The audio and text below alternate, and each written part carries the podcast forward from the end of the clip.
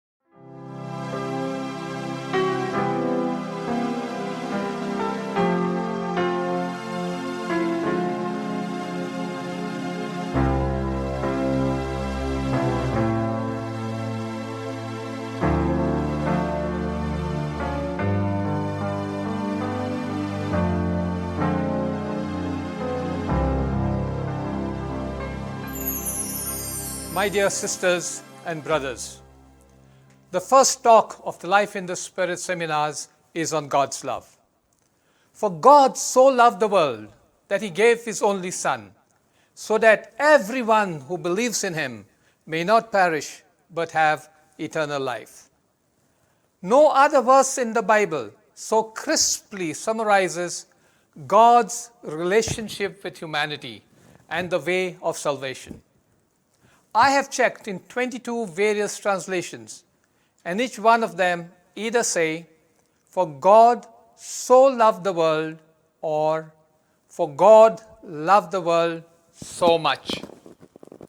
If I say God loves the world, that would be a half truth. The full truth is that God loves the world so much, or that God loves the world very much. God loves the world. Genesis chapter 1 verses 1 and 2 tells us about the beginning when God began creating the heavens and the earth. The earth was a formless void, and darkness covered the face of the deep, while a wind from God swept over the waters. Then God began creating. God created this entire universe. On the first day, he created light. On the second, he formed the sky.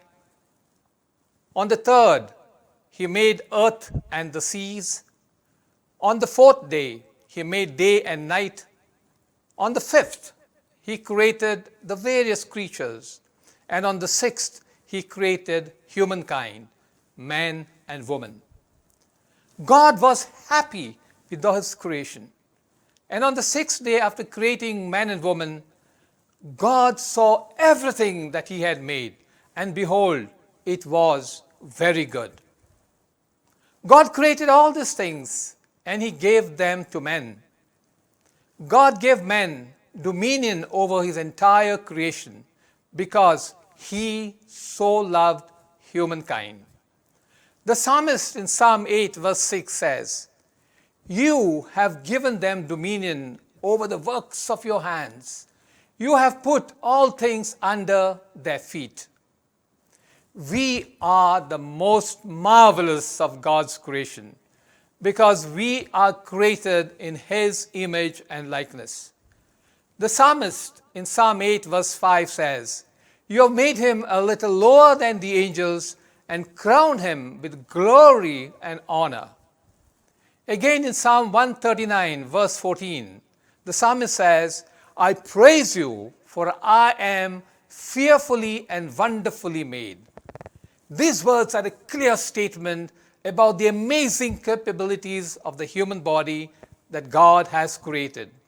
with billions of cells and innumerable parts. We are walking miracles. I believe that there are over 7.6 billion people all over the world no one is alike. At least the fingerprints differ. Each one is unique. And that's what our response should be. I thank you, God, for the wonder of my being. We are God's handiwork, His masterpieces. Hence, we are beautiful miracles of God.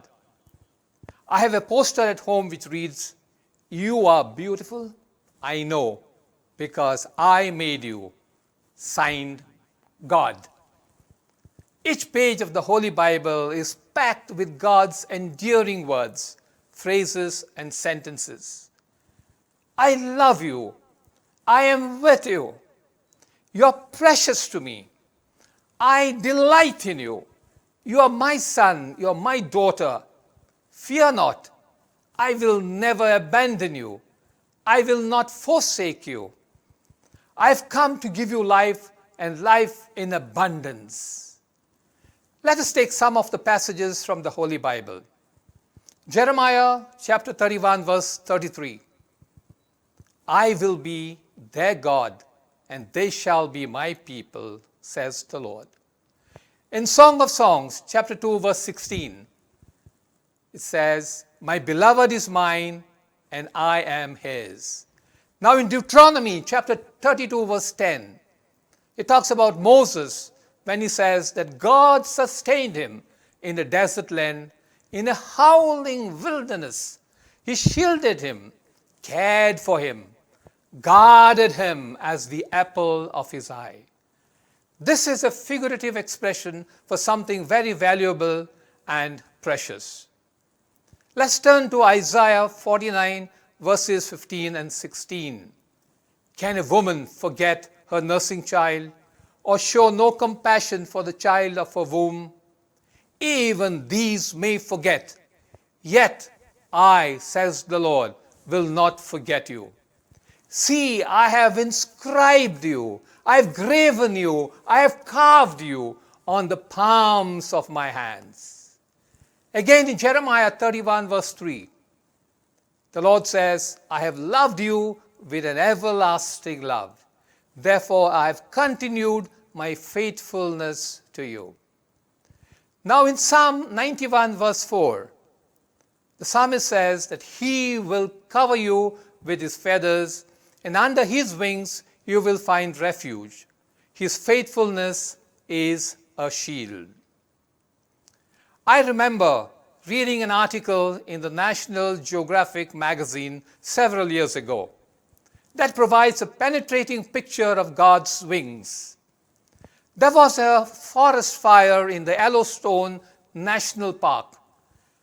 and the forest rangers began their trek up on the mountain to assess the damage. One ranger found a bird, literally petrified in ashes. perched on the ground at the base of a tree. Somewhat sickened by that eerie sight, he knocked over the bird with a stick.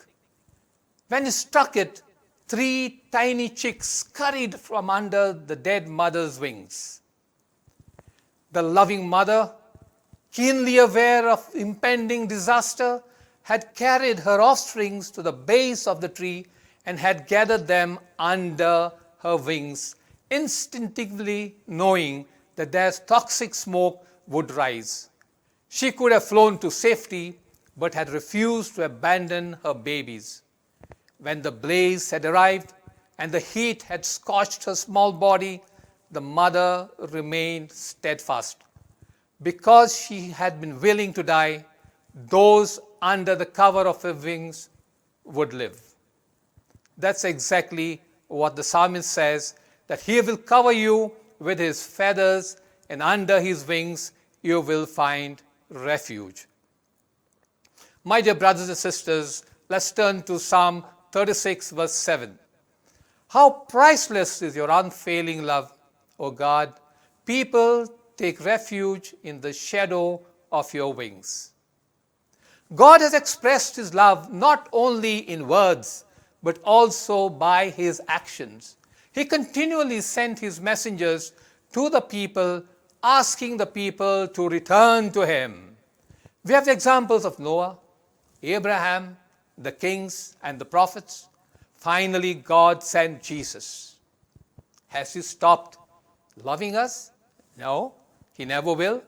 He said that his love is everlasting. God has made a covenant with his people. and God's love is everlasting.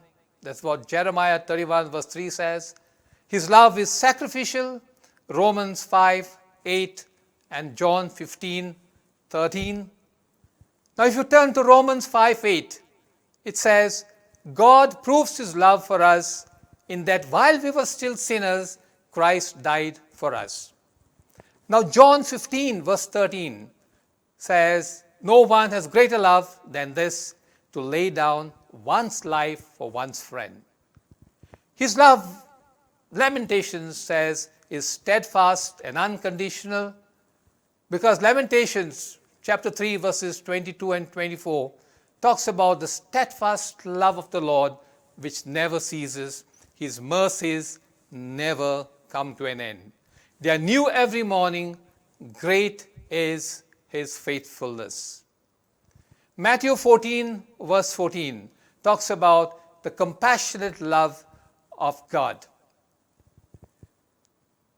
Then again, if you read Isaiah 43, verse 1, we are told that God's love is redeeming love.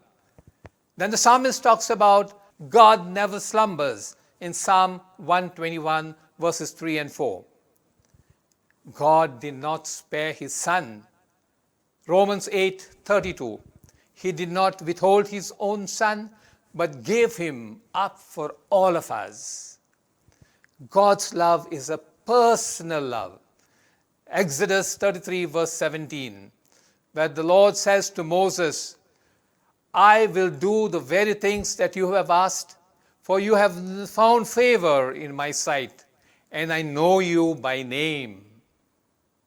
St. Augustine had summarized it so well when he said that God loves each one of us and Jesus died for each of us as if there were only one human being on earth. St. Paul in Galatians chapter 2, verse 20, tells us that he loved us and gave himself up for us. And finally, we know that the love of God is a covenanted love.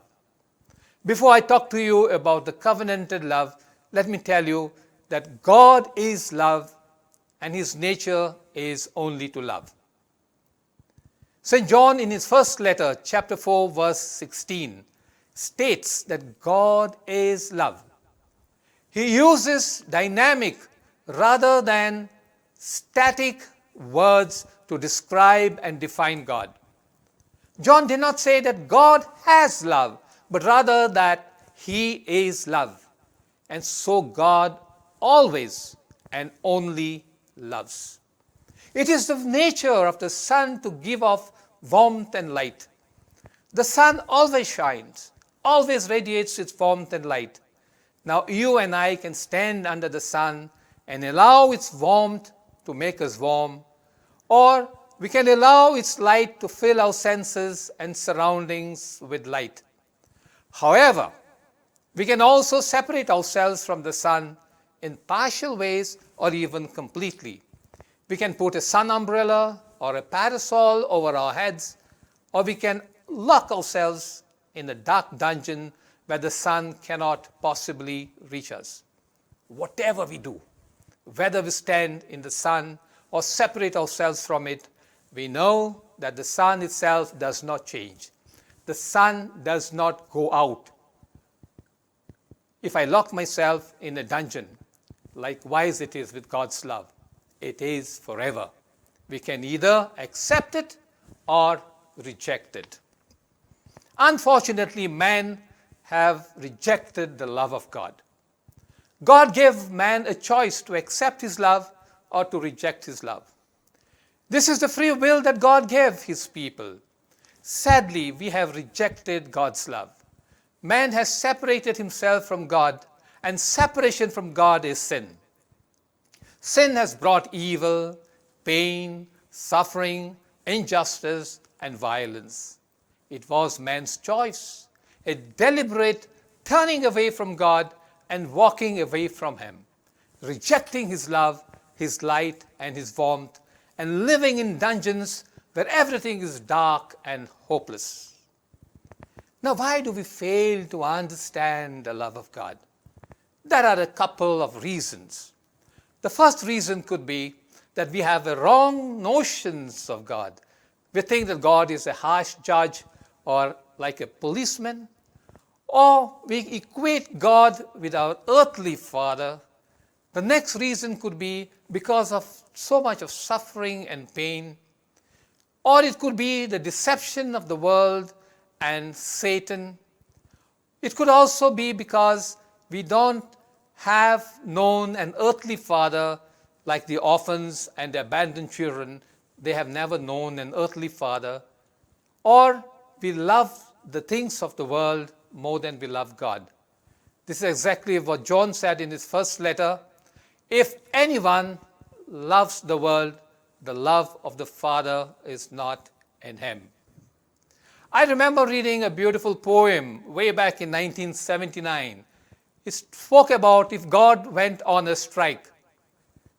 It goes something like this It's just a good thing God above has never gone on strike because he wasn't treated fair or things he didn't like. If he had ever once sat down and said, That's it, I'm through. I've had enough of those on earth. So this is what I will do. I will give orders to the sun, cut off your heat supply, and to the moon, give no more light, and run those oceans dry. Then just to make it tough and to put the pressure on, turn off the air and oxygen till every breath is gone. Do you know he would be justified if fairness were the game? For no one has been abused or treated with disdain. And yet he carries on supplying you and me with all the favors of his grace and everything for free. Sisters and brothers, God's love is faithful, God's love is unconditional. God is forever inviting us to return to him, even when we have distanced ourselves from the riches of his love. In the parable of the prodigal son, the father longs for the return of his son. When the son does come back, his own life and fortunes in shambles, the father runs down the road to embrace his son. The son did not have to win the father's love. He had never lost the love of the father. He only had to return home and accept his love. I remember reading a story about a father and a son. who had a massive fight. And the son walks out with his share and threatens never to return home. The son survives for a few years with his friends, and soon he gets into serious trouble. He gets a good bashing and lies lonely at home, wounded, sick, and hungry. Then, in his misery, he remembers his father and sends a note with his friend. He tells his father that he wants to return home the next week. And in case he welcomed him to tie an yellow ribbon on the oak tree in the garden. On that day, in trepidation, when the son is taken home, he sees not only an yellow ribbon, but the whole oak tree and all the trees in the garden filled with yellow ribbons. Father welcomed the Son. That's the welcome our God gives us when we come back to Him. There's this beautiful hymn we sing, Lord, I'm coming home. And when we return home, we find the arms of God wide open. Sisters and brothers, God accepts us as we are. No questions asked, no condemnation. And as we embrace a loving God in total acceptance and surrender, He will change us into beautiful people, pleasing and acceptable to Him. Isaiah chapter 1, verse 18 says, Though your sins are like scarlet, they shall be like snow. Though they are like crimson, they shall be like wool. Then again in John 8, 1 to 11, the story about the woman caught in adultery. Jesus asks her, Has no one condemned you? And she says, No one, sir. And then Jesus tells her, Neither do I condemn you. Go your way. And from now on, do not sin again. Now, how do we reconcile the existence of suffering with the existence of a loving God? If God can put a stop to suffering, why doesn't He? This is one of the questions that I want to ask God when I get to heaven. Let us remember, sisters and brothers, that suffering and pain was not part of God's perfect plan. Let's take an example the example of Adam and Eve. They disobeyed God by eating from the tree of knowledge in the middle of the garden and brought upon themselves so much of pain and suffering. Then we have the story about the prodigal son, where the son says, Give my share. And he traveled to a distant land and squandered all the wealth. Both Adam and Eve and the prodigal son chose to do wrong. And because of their choices, they brought upon themselves so much of pain and suffering. We have strayed too far away from God. And now God has to write straight. in our crooked lines. He will make all things straight for us. He will work everything for our good. Just trust Him. Can you? Will you? Shall we? Now, we don't understand many things. We are finite. God is infinite. Whenever we use our finite intelligence in an effort to understand our infinite God, we are going to collide with the dead end of mystery. God's ways are simply not our ways. For example, there's so many things I can't understand. Can you explain how a buffalo that is black, that eats green grass, gives white milk? Do we grasp the wisdom of Jesus' passion and death on the cross? Personally, I also don't understand why our loving God should passionately love me, a sinner. There's a beautiful song that says, His ways are higher than mine, and His thoughts are wiser than mine. And Isaiah 55, verse 9, reminds us that for as the heavens are higher than the earth, so are my ways higher than your ways, and my thoughts are higher than your thoughts. remember, no matter what the suffering and pain be, God will make a way because he passionately loves us. We need to also to remember that we follow a crucified Jesus and we have to keep in mind the words of St. Paul in Romans 8 verse 18. I think that whatever we suffer in this life can never be compared to the glory as yet unrevealed which is waiting for us. God's love is covenanted. This is important to understand. And it is extremely important to realize that our God loves us and He has made a covenant with us. A covenanted love is different from a contractual love. In a business contract, if one party fails to meet its commitment, the second party of the contract is released from the binding effects of that contract. For example, I promise to pay you rupees 500 to cut the grass in my yard. However, you do not cut the grass, and hence I do not have to pay you the promised rupees 500. It is not this way in a covenant. A covenant implies a promise of unconditional love. It is a promise that is never cancelled.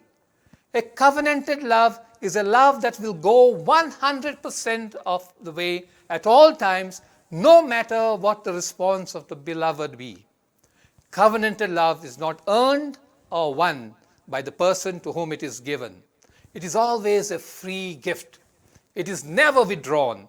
It is forever. We are children of the new covenant, sealed by the blood of Jesus. Luke chapter 22, verse 20. Sisters and brothers, let's look at the crucifix. The unsaid words of Jesus are, I died for you because I love you. And this is what I mean when I say, I love you. For me, the crucifix is an unmistakable reminder of God's love for us.